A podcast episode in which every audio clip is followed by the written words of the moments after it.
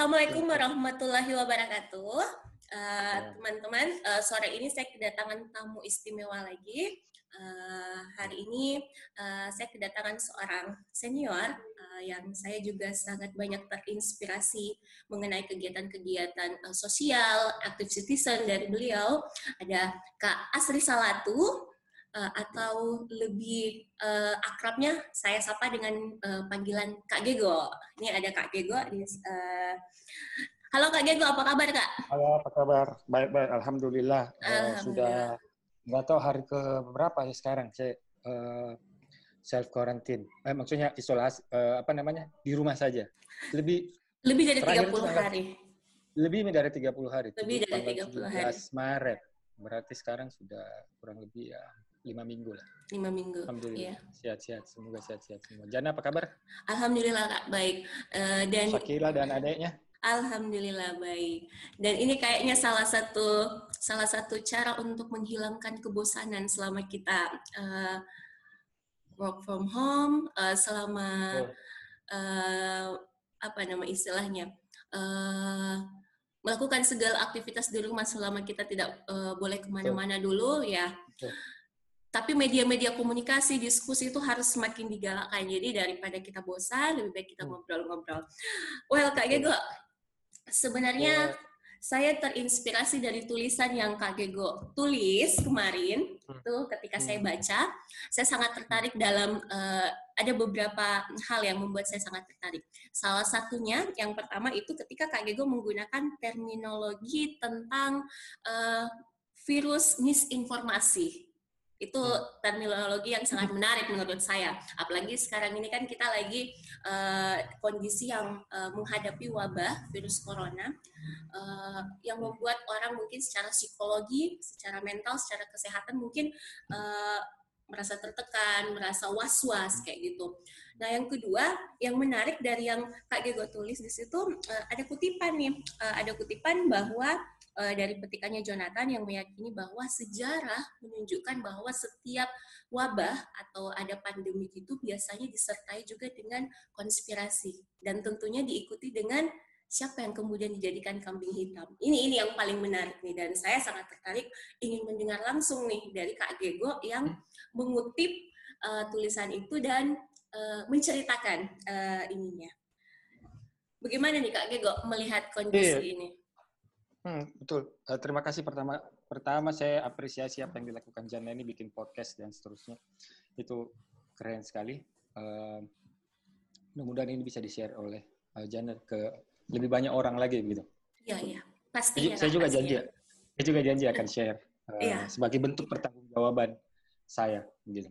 Uh, jadi semuanya sebenarnya bermula ketika saya uh, sudah sampai pada tahapan ah sudah terlalu banyak narasi-narasi analisis-analisis yang menurut saya uh, mengganggu saya secara pribadi dan saya berpikir bahwa ah narasi dan analisis-analisis seperti ini nih sebenarnya uh, tidak terlalu kredibel, tidak terlalu kuat, tidak terlalu tidak terlalu kuat. Kenapa? Karena tidak didasarkan pada bukti-bukti otentik yang bisa kita lacak, eh? iya, betul. dan kemudian sangat terasa uh, apa ada aroma uh, kalau di dalam tulisan yang saya kutip itu sebenarnya buku itu yang saya ceritakan kembali saja. Uh, dia bilang overriding suspicion, kecurigaan yang sangat berlebihan. Berlebihan, iya. Kecurigaan yang sangat berlebihan. Uh, jadi, seperti itu. Kemudian uh, hal yang lain kayak apa di saya merasa bahwa ini kayaknya ada salah uh, apa uh, sesat pikir deh sesat pikir seperti apa yang saya maksud kayak tadinya bicara tentang wah ini uh, konspirasi uh, COVID atau pandemi COVID-19 ini kepentingan Amerika gitu. Trump ini yang terlalu ini karena mau menjatuhkan Cina. Jadi semua. Terus pada saat yang lain juga di satu ruang yang sama kita disuguhi satu narasi analisis yang bilang WHO itu kaki tangan Cina sebenarnya. Jadi ini kan uh, eh, WHO diserang, itu kan bisa kita lacak bahwa ada uh, Trump juga ikut bermain di situ. Gitu. Indikasinya dia bisa tarik uh, apa itu dijadikan sebagai bahan untuk menarik bantuannya bantuan ke, ya. ke WHO dan seterusnya dan seterusnya. Di, sisi, di satu sisi dia tidak percaya uh, Trump, di sisi lain dia memakai narasi-narasi yang dipercayai oleh Trump. Jadi ada kontradiksi gitu. Saya bilang, ya ini gimana sih? Nah, dari uh, perasaan pribadi melihat ruang-ruang uh, diskusi online yang seperti itu, akhirnya mendorong saya untuk apa sih ini? Ini, ini dari mana sebenarnya? Sampailah saya pada pencarian, oh teori konspirasi, konspirasi teori. Nah, itu yang mendorong saya untuk mencari lebih jauh apa itu konspirasi teori. Nah, sampailah saya pada uh, buku yang baru saja diterbitkan bulan Maret lalu, baru satu bulan, yang ditulis oleh seorang uh, profesor uh, psikologi belakangan saya baru tahu dari teman seorang dosen politik bahwa Lewandowski itu Lewandowski itu sebenarnya adalah profesor perilaku politik gitu. Oh, iya iya. Jadi dia dia juga poli, dia juga uh, analisis politik. Jadi analisisnya dalam berbasis psikologi dipakai oleh disiplin ilmu politik dengan iya. melihat perilaku politik. Iya, gitu. berarti berarti dia juga bisa melihat bagaimana kecenderungan misalnya leadershipnya, kemudian kecenderungan orang lain mengambil keputusan, mengeluarkan kebijakan Betul. itu dari eh, perilaku-perilaku yang dia tunjukkan itu juga betul. menunjukkan kebijakan-kebijakan yang kemudian dia ambil. Mungkin seperti itu ya betul. kayak dia bisa. Betul, betul. Jadi jadi saya secara tidak sengaja saya dapat situs oh ada handbook of konspirasi teori konspirasi teori handbook. Saya bilang, wah menarik nih handbook. Dan begitu saya buka, saya baca, wah ini baru bulan Maret loh.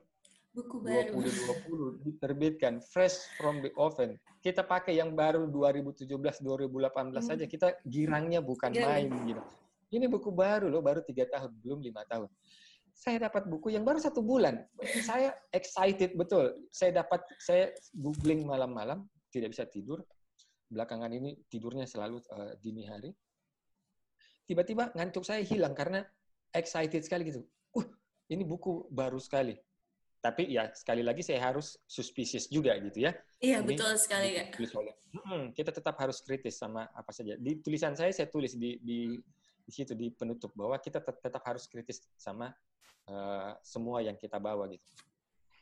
Nah, saya coba cari ini uh, cari tahu ini Lewandowski siapa? Ini John Cook siapa? Saya googling, oh iya beneran, dia dari Bristol University. Oh beneran, dia dari University. Oke, okay, saya sudah bisa dapat, sudah bisa saya pegang. Dan kemudian saya, saya baca bukunya, dilihat di referensinya, oh iya benar, saya bisa lacak. Kan ada uh, referensinya di bawah, yang dia kutip apa segala macam. Saya coba randomly cek di situ. Oh iya benar, ini ada. Berarti buku ini untuk saat itu bisa saya bilang it's credible. Credible, iya untuk Inilah, digunakan. Credible, credible gitu. Ini reliable, belum tentu valid tapi sudah pasti reliable. Iya. Nah, saya baca, saya lihat ini buku sederhana sekali dalam artian uh, penyampaiannya. berapa belas, iya uh, penyampaiannya uh, straight to the point dengan bahasa yang sederhana dan jumlah halaman yang tidak terlalu banyak. Kalau saya tidak salah ingat cuma 12 atau 13 halaman. Oh. Dan itu didesain dengan uh, it's freely download it, it's downloadable free. Iya, iya. Jadi silakan silakan di di search. Iya, kena, dia kan modelnya saya, handbook ya, handbook jadinya modelnya. Iya, betul. Ya, hand. handbook. Nah, akhirnya saya bilang buku ini harus uh, dibaca oleh lebih banyak orang lagi. Bukan hanya saya. Makanya saya merasa bahwa Kenapa tidak? Saya cerita, saya baca dan saya ceritakan ulang lagi. Saya tinggal tambah-tambahkan atau paraphrasing menurut bahasa yang uh, sederhana menurut saya gitu. Nah, sampailah kita pada uh, pada tulisan itu. Dan itu yang uh, kenapa saya sharing itu hal yang lainnya adalah setelah saya baca isinya, it really represents me gitu. Uh, betul-betul mewakili apa yang saya rasakan dan apa yang saya pikirkan. Saya bilang ini kontradiktif. Begitu saya baca, oh iya benar nih di dalam buku itu dia bilang uh, tipikalnya orang yang uh, ahli atau pendukung atau uh, penggemar teori konspirasi itu itu biasanya kontradiktif. Wah ini saya banget gitu loh. ya, jadi uh, jadi dia it, it represents me gitu. Makanya saya bilang uh, karena sesuai dengan yang saya uh, pikirkan rasakan, ya, saya saya tulis gitu. Dan menarik memang uh, uh, jadi di buku itu Jan dia jelaskan bahwa yang namanya konspirasi itu memang terjadi. That's real. Hmm. Memang ada itu yang namanya konspirasi. Di tulisan saya juga di buku itu juga dijelaskan bahwa contohnya eh, perusahaan Volkswagen, perusahaan mobil, dia melakukan manipulasi dan hmm. itu buktinya ada. Perusahaan rokok, tobacco industry, dia melakukan manipulasi bagaimana dampak buruk dari kesehatan kalau kita merokok gitu supaya eh, eh, produknya laku. Manipulasi atau apa namanya konspirasi-konspirasi seperti itu betul-betul terjadi. Kemudian apa yang membedakan dengan teori konspirasi. Sebenarnya tulisan ini saya mau kasih judul uh, membongkar teori konspirasi. Oh. Menarik karena kan kenapa menarik? Karena kan harusnya yang dibongkar adalah konspirasi, iya. bukan teori. Teori, iya betul betul betul. Teori betul. hadir, teori itu hadir untuk membongkar konspirasi. Hmm. Tapi saya mau kasih judul membongkar teori konspirasi. Saya bilang ya ini kayaknya ya yang namanya tulisan butuh juga satu judul yang membuat orang mau membaca. Mau kan? membaca. Nah, terbukti ah, saya. Kita, terbukti kita ketika ini. Jadi, iya. Jadi tapi akhirnya saya kasih judul uh, apa nikmat nikmatnya teori konspirasi karena ya itu itu nikmat sekali memang. Ya karena memang kita menikmati ya. Uh, semakin kita ya. semakin kita misalnya mendengarkan berita yang uh, sorry itu saya misalnya tidak masuk di akal, kita kadang semakin hmm. greget buat mencari tahu kan seperti itu. Hmm, hmm. Misalnya kayak kemarin uh, saya uh, ini aja nih. Uh, 2015 kan uh, Bill Gates uh, sempat jadi tamu di uh, TED Talk kan dia berbicara yes. tentang bagaimana ke depannya kita harus menghadapi kondisi-kondisi eh, pandemik misalnya. Dia kan memprediksi. Nah itu kemudian di tahun ini dianggap sebagai trigger uh, konspirasi nih. Jadi benar nih sampai saya saya cari benar gak sih uh, Bill Gates sudah tahu benar gak sih kan itu jadinya saya sudah masuk pada uh, fenomena saya mencari hmm. tahu apa yang orang bicarakan. Jadi saya mulai menikmati nih apa yang kemudian hmm. orang lontarkan. Saya tertarik untuk iya. mencari sampai pada akhirnya misalnya saya percaya wah itu juga nanti akan berdampak nih uh, ke sosial atau ke mana ketika semua orang percaya sama berita-berita yang kuat-kuat mungkin uh, belum benar atau misalnya belum bisa hmm. kita hmm. pertanggungjawabkan hmm. kayak gitu. Ini ini yang menarik kenapa saya katakan uh, misinformasi ini sebagai virus sebenarnya uh, apa ya karena dikontekstualkan saja dengan kondisi pandemi sekarang orang bicara virus virus virus virus COVID-19 dan seterusnya. Jadi saya bilang uh, hoax, uh, misinformasi atau konspirasi teori, uh, overriding suspicion, kecurigaan yang yang uh, berlebihan, itu semua virus, Jan, kalau menurutku. Karena itu mempengaruhi kesehatan kita, bukan fisik, tapi bisa jadi kesehatan psikologi. psikologi. Berarti uh, uh, kita kita menjadi tidak sehat secara uh, psikologi gitu. Dan kayak dan kayaknya harusnya, itu harusnya harusnya Dan misalnya kita dalam kondisi psikologi positif misalnya kita lagi iya, bahagia apa segala macam tapi dengan kecurigaan membuat kita menjadi was-was menjadi menjadi apa uh, marah dalam keadaan uh, negatif gitu kondisi psikologi negatif. Jadi saya menyebut itu sebagai virus. Itu sebenarnya dasar saya. Mungkin tidak terlalu tepat tapi um, uh, pengertian saya itu seperti itu dia menggerogoti kita punya uh, yang apa Eh, psikologi positif yang seharusnya itu bisa membantu kita psikologi positif itu. Tapi karena ada misinformasi, ada konspirasi teori, ada hoax, itu yang mem, itu yang mem, me, me, mengganggu kita gitu. Jadi itu kenapa saya katakan sebagai uh, apa namanya virus. Kemudian uh, saya tertarik saya sampai pada satu artikel di Straits Times ditulis oleh Jonathan uh, J. Itu dia memang uh, artikel itu itu memang mau apa istilahnya ya kalau di dalam bukunya Lewandowski itu dia bilang debunking atau membantah mm, yeah. uh, teori-teori konspirasi dia sebut itu sebagai fatal attraction teori oh, konspirasi itu sebagai uh, hal yang menarik tapi sebenarnya fatal fatal dampaknya sangat sangat besar ya dia mengatakan itu uh, fatal attraction, uh, sesuatu yang menarik tapi fatal dampaknya. Di artikel itu dia tulis bahwa kalau kita lihat sejarah uh, pandemi yang orang bilang uh, setiap 100 tahun gitu ya. Itu konspirasi juga itu, kayaknya nih kak. uh, uh, apa namanya?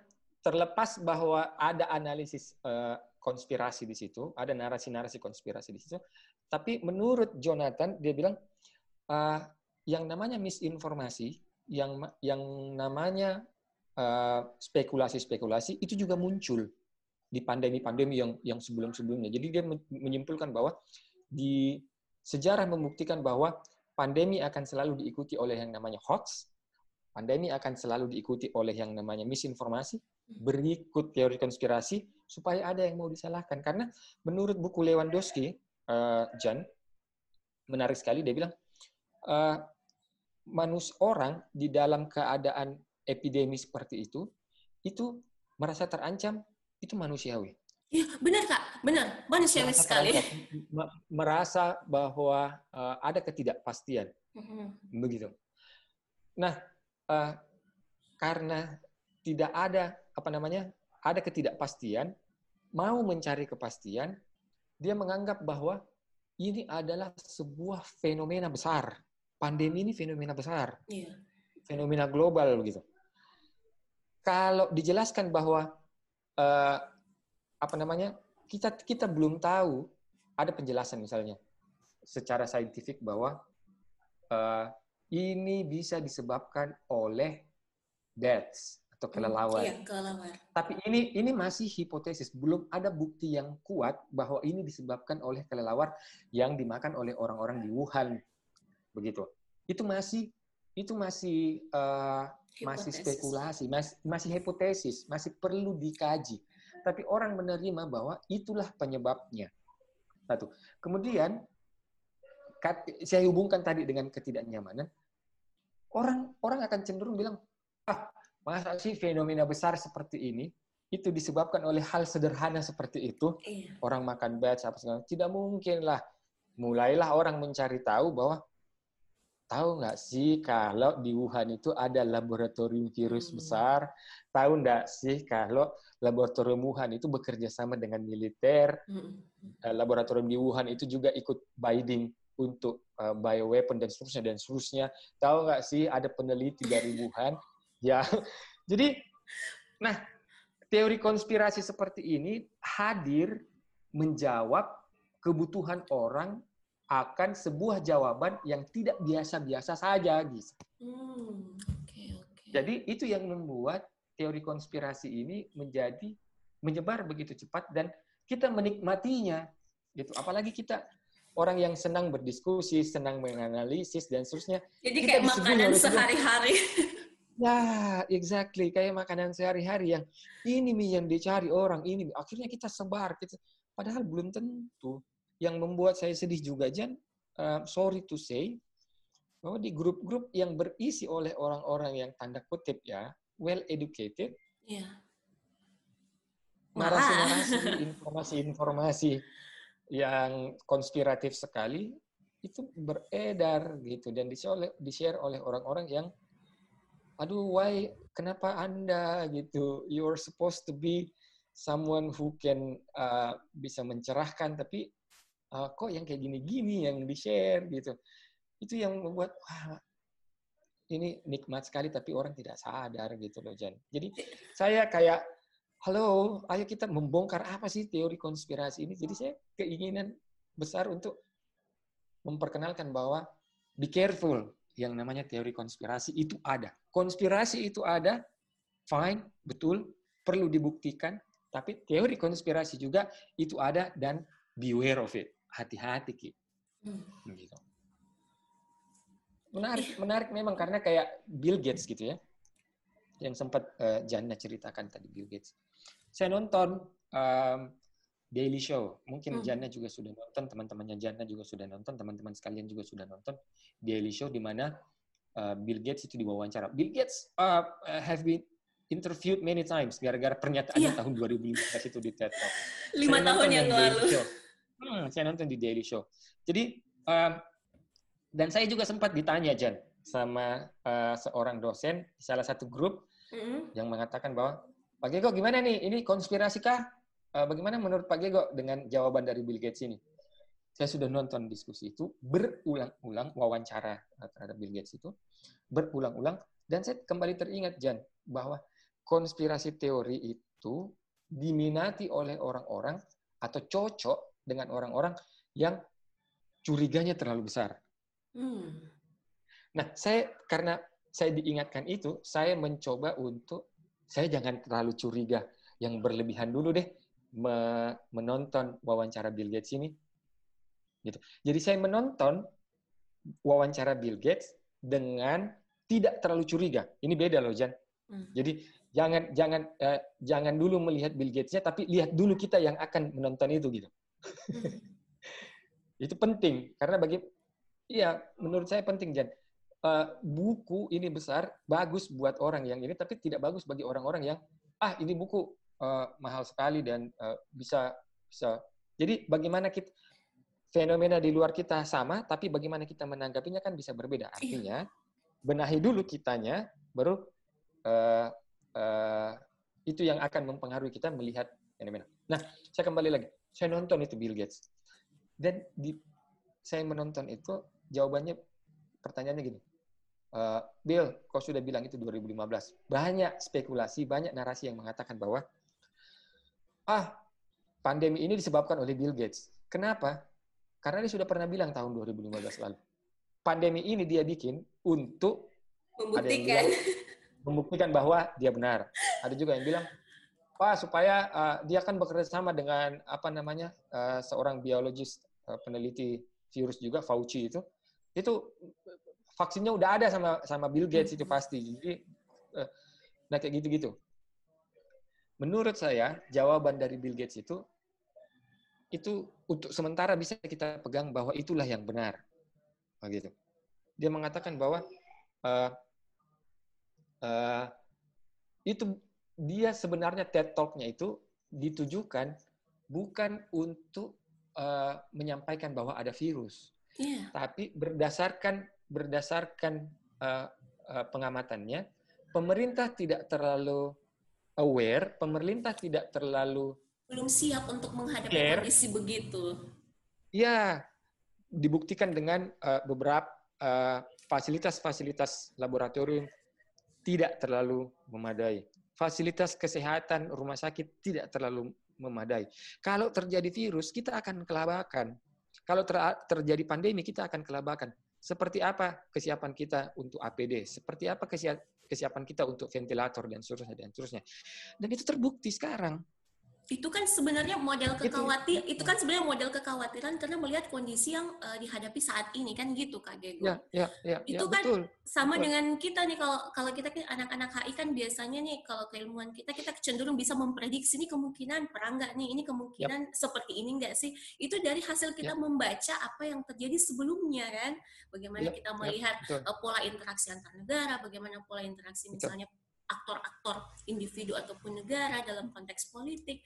Jadi kalau Betul. saya melihat mau lihat dari sisi uh, lain uh, yang Bill Gates bilang sebenarnya kita pun sebenarnya bisa bilang seperti itu. Cuman bedanya ya. bedanya adalah saya hanya jana seorang jana Bill Gates seorang yang uh, eh, CEO perusahaan besar. Itu dia perbedaannya. Betul, ya, saya, betul sekali. Jadi uh -uh, jadi uh, ini ini ini yang uh, menurut saya dan saya sangat kagum untuk sementara sama Bill Gates karena dia sangat-sangat tenang menghadapi tuduhan tuduhan-tuduhan yang yang ada gitu terhadap dirinya. Dia tenang-tenang saja karena itu yang itu yang bisa saya jadikan indikasi sementara bahwa Bill Gates know what what he's doing. Dia tahu apa yang dia lakukan, apa yang dia katakan. Dan dia melakukan hal yang benar saat ini, saat pandemi ini. gitu. Jadi seperti itu, Jan. Jadi teori-teori konspirasi ini uh, perlu untuk kita sadari bahwa ada hal-hal, ada narasi-narasi yang tidak bisa kita terima begitu saja. Tulisan saya sebenarnya itu, buku handbook itu harusnya dibaca oleh banyak orang. Karena apa? Karena dia membuat kita aware, dia menjadi benteng kita. Dia membekali kita benteng, uh, membekali kita untuk menjadi uh, apa namanya supaya kita imun gitu terhadap teori-teori konspirasi. Jadi hmm. Menariknya di, di, di buku itu Janto, konspirasi itu ada, tapi teori konspirasi itu juga ada, dan teori konspirasi itu dimaknai, perlu kita maknai bahwa itu adalah narasi-narasi yang tidak dibangun dengan sebuah kerangka berpikir yang konsekuens, sequence, sequence, uh, sequence, uh, kemudian tidak berbasis data-data uh, yang bisa kita uh, yang bisa kita apa namanya cek. Uh, kemarin saya, saya mau cerita pengalaman ya. Kemarin beredar video di mana dijelaskan bahwa uh, ini sebenarnya adalah rekayasa. Pandemi ini adalah rekayasa. Buktinya apa? Bulan Januari tahun 2020 lalu, seorang profesor di Harvard itu ditangkap mm-hmm. Dan ada mahasiswa peneliti di Harvard yang berasal dari Wuhan itu juga ditangkap oleh pemerintah uh, apa otoritas lokal di Boston. Harvard Harvard kan ya di Boston, yes. Ditangkap orang ada sebuah video yang merangkum itu semua, menghubung-hubungkan itu semua, dan mengatakan bahwa ini adalah bukti bahwa coronavirus atau pandemi. Sorry, ini saya di ruang tamu, jadi anak-anak saya ada. Kalau ada suara-suara dari luar, ya rumah kecil soalnya. Okay, jadi, kan? nah dihubung-hubungkanlah bahwa itu bukti pandemi ini rekayasa. Tapi saya coba lacak berita itu, saya coba cari siapa profesor itu, saya coba cari siapa perempuan ini yang dari dari uh, Cina di Wuhan ini yang ditangkap. Perempuan yang di, ditangkap itu itu adalah uh, mahasiswa yang dari uh, Cina, tapi dia ditangkap bukan karena apa-apa, tapi karena dia tidak jujur di dalam pengurusan visanya untuk ke Amerika. Oh. Dia mengatakan, ya dia mengatakan bahwa dia student, tapi sebenarnya dia punya afiliasi dengan uh, militer. Bisa di googling. Dan kemudian uh, profesor itu ditangkap karena dia tidak jujur uh, terhadap uh, kepada pemerintah Amerika waktu dia ikut bidding untuk sebuah proyek penelitian uh, oleh uh, otoritas kesehatan pemerintah dia tidak jujurnya apa? Dia tidak jujur bahwa dia bekerja sama dengan sebuah laboratorium riset di Cina. Hmm, oke, okay, oke. Okay. Itu. Jadi it has nothing to do with the pandemic, it has nothing to do dengan coronavirus gitu. Oke okay, nih Kak Gego, saya ada mau share sesuatu nih mungkin uh, bisa kelihatan di uh, desktopnya Kak Gego juga. Nih, yeah uh, salah satu bahaya nih kalau misalnya kita selalu mengkonsumsi teori konspirasi pada saat sekarang hmm. ini. Nah, di sini yang yang paling ini yang uh, dia tuliskan bahwa kecenderungannya orang-orang akan mengatakan bahwa nggak apa-apa nih uh, sudah ada sudah ada antivirusnya ini hal yang dibuat-buat entah nanti bakalan keluar sendiri antivirusnya nanti keadaan akan baik-baik saja. Itu kemudian membuat orang jadi antipati dan tidak mau melakukan misalnya physical distancing misalnya atau misalnya social distancing misalnya jadi kayaknya orang tuh jadi ya udah nggak uh, apa-apa nanti akan selesai sendiri padahal kan sebenarnya hmm. kalau kita tidak memperhatikan hal-hal yang seperti itu karena kita termakan sama yang hmm. namanya uh, berita-berita yang sudah uh, muncul di luaran itu kemudian mengakibatkan self ininya kita berkurang buat kita misalnya uh, apa memahami kalau kita harus uh, menjaga kesehatan atau seperti apa karena kita merasa bakalnya oh, udah selesai sih nanti ini selesai sendiri. Nanti antivirusnya juga akan datang sendiri. Nanti ini hal-hal yang dibuat-buat nggak apa-apa bakalan selesai sendiri. Padahal kan we never know kita nggak tahu. Jadi ini salah satu masalah hmm. kalau misalnya kita tidak uh, ini tidak apa namanya uh, tidak uh, memfilter berita-berita yang kita ini. Betul. Ini juga betul betul sekali itu Jan yang jadi yang masalah nanti tenaga kesehatan yang kemudian menghadapi orang-orang yang uh, sorry to say misalnya kita sering pakai istilah kepala batu atau bebal kayak gitu. yang tidak mau mendengar yang tidak mau melakukan. Jadi uh, jadi masalah baru lagi. Iya itu yang membuat uh, apa ya sedih kecewa. Karena orang-orang yang seharusnya memberikan edukasi justru mereka-mereka yang termakan dengan teori-teori konspirasi yang tidak jelas gitu. Harusnya kan mereka stop gitu kalau kalau menurut mereka itu uh, apa namanya? Kalau menurut mereka itu tidak bisa dia lacak, tidak bisa dia benarkan uh, uh, kebenarannya, tidak bisa dia buktikan kebenarannya, ya jangan share. Stop, stop di Anda gitu, jangan di-share. Apalagi kan sekarang kalau di-share-share itu yang judul-judul bombastis, Jan, di YouTube gitu ya, sudah link YouTube, kemudian dengan judul-judul yang bombastis. Iya betul sekali. Kak. Yang uh, uh, yang apa namanya? Kayaknya ini bukan bahasa-bahasa seorang intelek gitu. Ini kampanye-kampanye politik aja gitu yang misalnya uh, waspada, bahaya, apa segala macam. Kemudian link YouTube, saya langsung saya tidak akan klik itu Jan. Tidak akan saya klik. Kenapa? Karena saya udah tahu ini orang cari cari ini kemungkinan besar orang cari untung di tengah pandemi dengan banyak viewers dan seterusnya dan seterusnya. Iya itu, itu tadi yang kita bilang ah, kayak gitu, gitu. terminologinya virus misinformasi.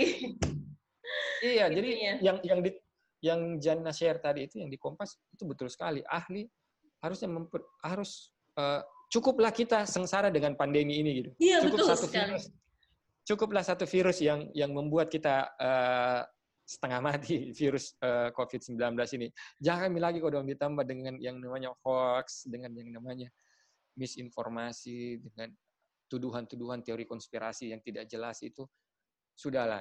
Uh, mari kita akademisi, saya mengajak semua teman-teman yang mengaku cendikiawan, mengaku akademisi, hati-hatilah untuk memposting, memposting-posting. Di buku, di handbook itu itu enak sekali Jan. Kenapa?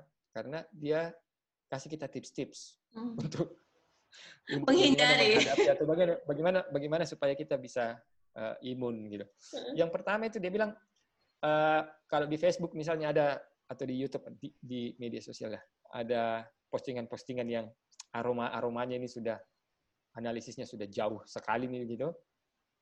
Misalnya jauh, oh ini adalah bioweapon. Gitu. Coba tanyakan uh, tanyakan diri tak sebelum kita share itu. Betul tidak? Dia punya bukti kuat tidak? Bisa saya lacak tidak? Ini semua yang ini. Semua yang dia sebut, semua yang dia kutip. Bisa saya lacak tidak? Benar tidak? Sesuai tidak dengan yang dia klaim? Saya kenal tidak dengan uh, media yang memposting ini? Siapa yang men-share? Kayak gitu-gitu. Jadi pertanyaan-pertanyaan itu kita kritis dulu. Kalau semua pertanyaan itu tidak bisa dijawab, ya jangan share. Anggap saja bahwa ah ini analisis ini eh, spekulasi-spekulasi yang tidak penting. Saya mau menghemat waktuku, saya mau menghemat perasaanku, saya mau menjaga diriku untuk tidak yeah. terkontaminasi dengan virus-virus seperti ini gitu. Iya betul Itu sekali kak. Karena dalam kondisi seperti ini kita sudah mulai takut misalnya dengan keadaan yang uh, secara fisik kalau virus yang kita hadapi kan dia menyerang kita secara fisik nih. Tapi sebenarnya lebih bahaya lagi hmm. virus yang tadi kak gue bilang menyerang kita secara emosional dan psikologi itu yang iya. uh, lebih bahaya belum belum nanti Dan, kita sakit secara fisik sudah udah down duluan. Iya, apalagi kan ini kalau kalau COVID-19 itu kan uh, ditemukan vaksinnya aman, ditemukan cure-nya obatnya aman gitu. Iya, iya. Tapi you know what? Teori konspirasi seperti ini itu kita bisa bawa seumur hidup. Saya bisa saya, saya bilang saya bilang di dalam tulisan saya itu kita bisa bawa seumur hidup loh. Itu menjadi tabiat kita dan akhirnya kita akan berpikir seperti itu.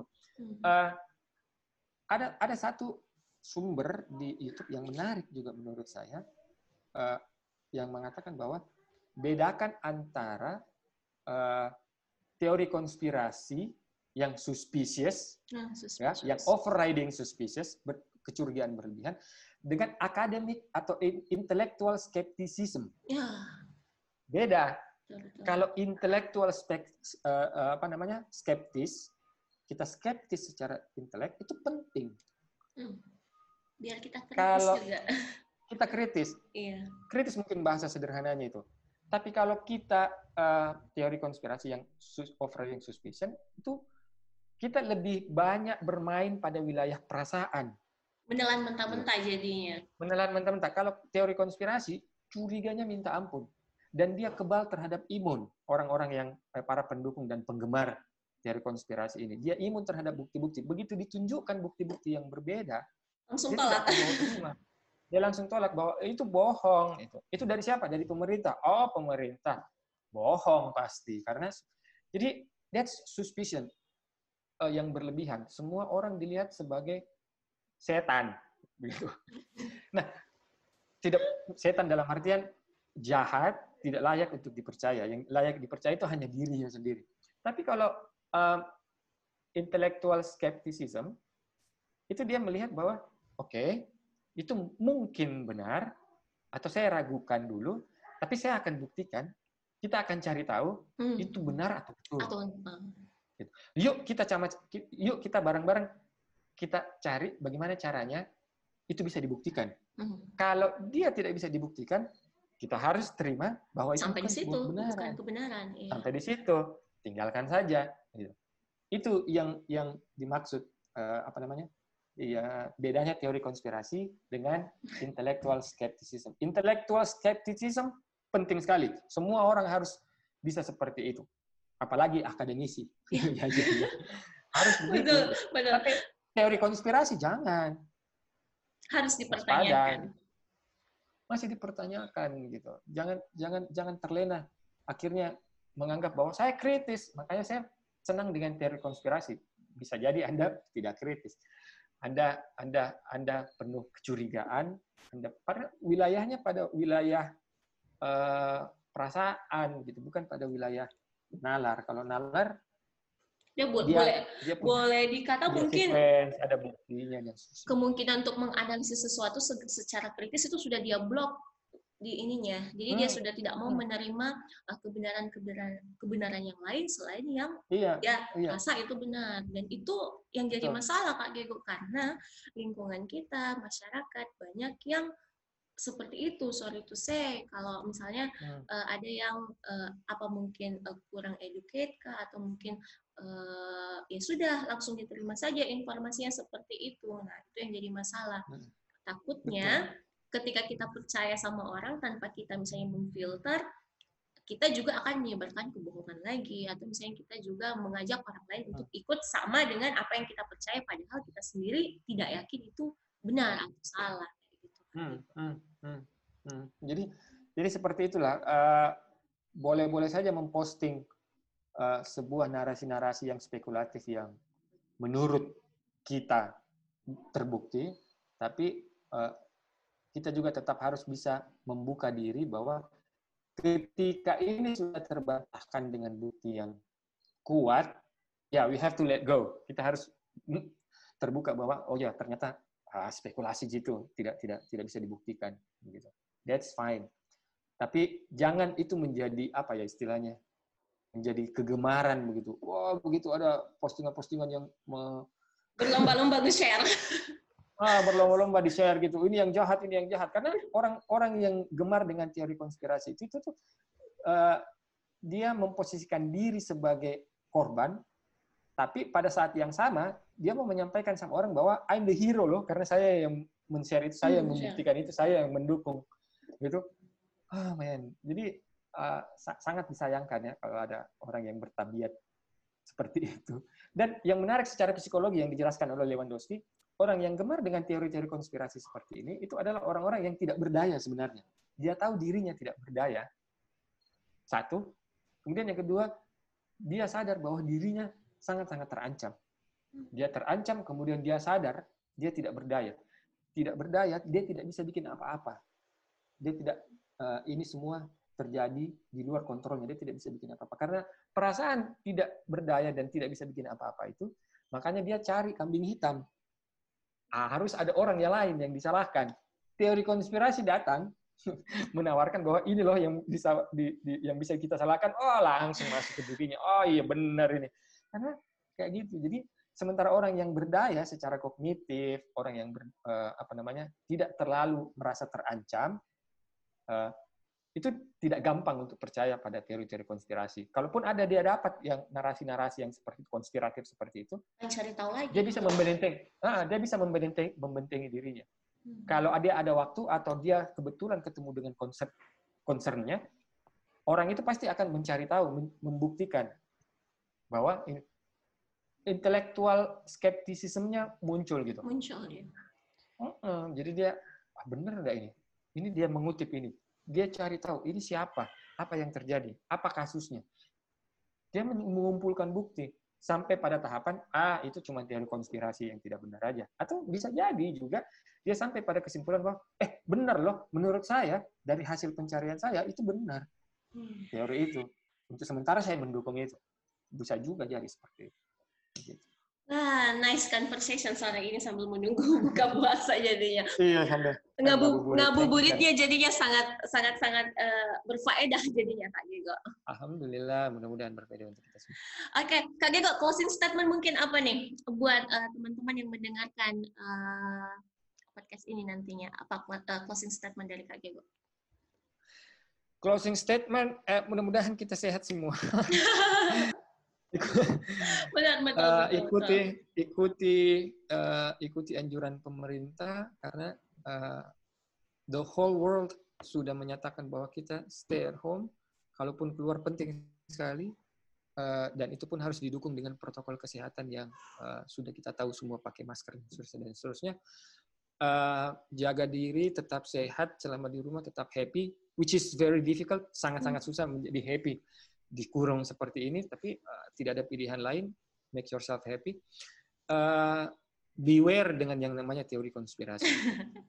betul, betul, betul. Oke, okay, thank you Kak Gego buat sharing-sharingnya okay, hari ini. Mudah-mudahan ada kesempatan lain kita bisa diskusikan lagi hal-hal yang lain. Uh, nice yeah. and glad to talk with you Kak Gego. Thank, you. Thank you Kak Giga. Yeah, thank you. Yeah. Assalamualaikum warahmatullahi wabarakatuh. Waalaikumsalam warahmatullahi wabarakatuh.